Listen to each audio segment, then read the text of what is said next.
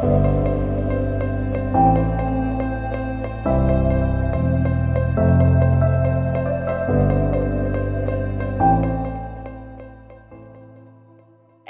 عليكم ورحمة الله تعالى وبركاته.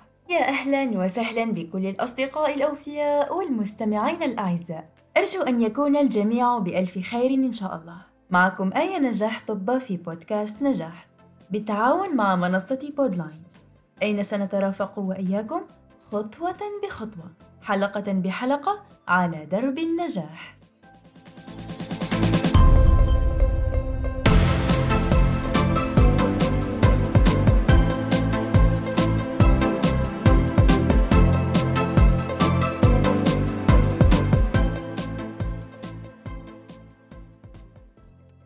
أن تكون شخصًا اجتماعيًا محبوبًا وتترك انطباعًا وبصمة حسنة بين من تقابلهم أو تتعرف عليهم، أمر لا يتطلب معجزة خارقة أو جهدًا جبارًا، فقط عليك أن تكون على سجيتك مع بعض التعديلات البسيطة. كيف؟ تعديلات؟ ماذا تعني؟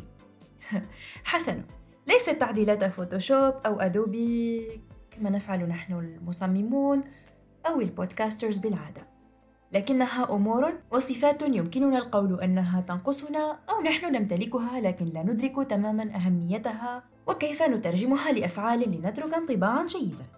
يقول الفرد منا لماذا علي أن أكون اجتماعيا من الأساس؟ حسنا. سأخبرك أمرا قبل أن أخبرك السبب. يقول الله سبحانه وتعالى في كتابه الحكيم وإنا خلقناكم شعوبا وقبائل لتعارفوا. صدق الله العظيم. وهذا أمر يخبرنا به الله بصريح العبارة أنه من أسباب خلقنا مختلفين عن بعضنا ومتفرقين هو أن نتعارف ونعرف أن نعيش ونألف لا أن يعيش كل فرد منا بعيدا عن الاخرين فنحن في نهاية المطاف كل منا يحتاج للآخرين في أمور حياته أن تكون شخصًا غير اجتماعي هذا ليس طبعًا لا يمكن تغييره. أنت فقط لست في المحيط المناسب لك، أو محاطًا بأشخاص لا تشعر بالراحة لتتحدث وتتفاعل وتتناقش معهم عن الموضوع المطروح. هذا سيجعلك تشعر أنك منعزل، انطوائي، وهذا من وجهة نظرك فقط. أما من وجهة نظر الآخرين، إن لم تتكلم أو تتفاعل معهم، سيرجحون أنك مغرور، متكبر، ومترفع عن الكلام معهم، على احتمالية أنك منطوي لا تشعر بالارتياح معهم أو لحديثهم.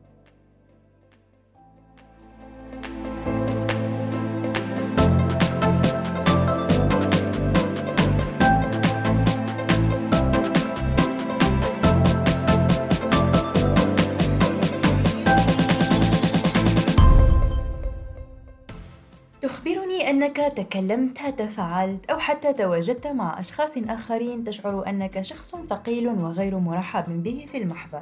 ما رأيك أن أقول لك أنك مخطئ تماما في ظنك هذا؟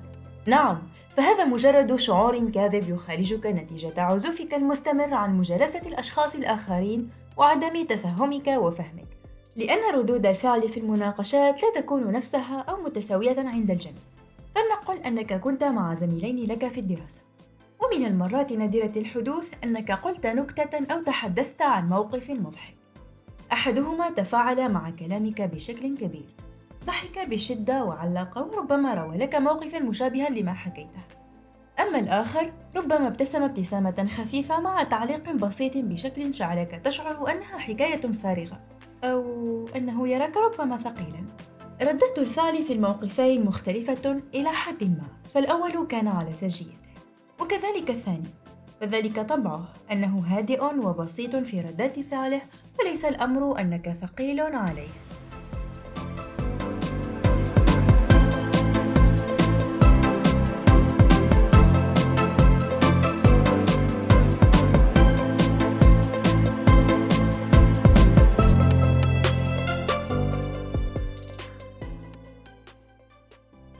في الموقف السابق كان طرف آخر من يشعرك أنك ثقيل. لنرى الآن موقفا آخر يكون فيه العكس. فرضا أنت تتحدث مع شخص أكثر منك حماسا. بعد أن أتم كلامه لن يجد منك الرد المناسب المتحمس والمتفاعل مع كل ما قاله. حتى ربما أن عقلك كان يهيم في مكان آخر أو يفكر كيف يفتك من هذا الحوار الحماسي الذي يفوق قدرتك الاجتماعية.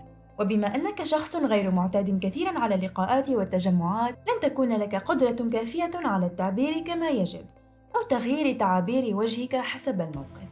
ربما ستبقى صامتا وحتى الابتسامة ربما لن تلاحظ على محياك لأنها عادتك وروتينك التفاعلي الدائم. هنا الطرف الآخر سيلاحظ الأمر وربما يشعر أنه ثقيل كذلك عليك. ومن هذا المنطلق ستبدأ محادثته معك تقل وحتى التواصل العيني بينكما يقل أثناء النقاشات الجماعية لأنه لا يريد ببساطة أن يطفئ حماسه بجمودك ويتحاشاك. وبهذا سنعود لنقطة أولى أن ما قام به ما هو إلا رد فعل طبيعي لردود أفعالك وتفاعلاتك الجامدة ربما مع النقاشات والحوارات الاجتماعية.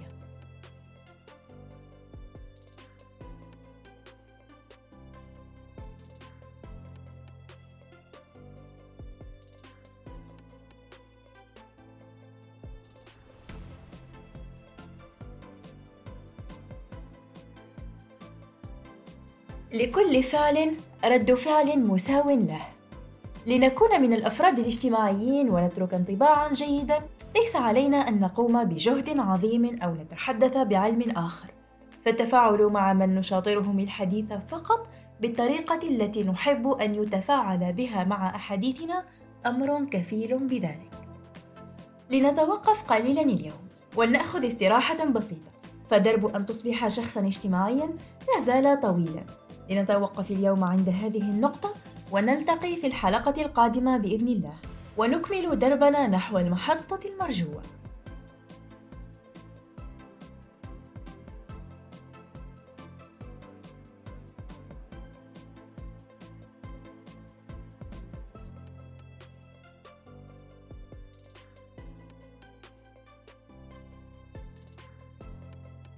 شكرا لإنصاتكم ومرافقتكم لنا للوصول لهذه النقطة اليوم. على درب النجاح. أحبكم في الله رفاقي. نلتقي في حلقة قادمة مع نقاط أخرى مع بودكاست نجاح. لا تنسوا متابعتنا على منصات ال podcast Spotify، Apple Podcasts، Google Podcasts، أنغامي و SoundCloud وكل صفحات البودكاست على ال social media ألقاكم بخير والسلام عليكم ورحمة الله تعالى وبركاته.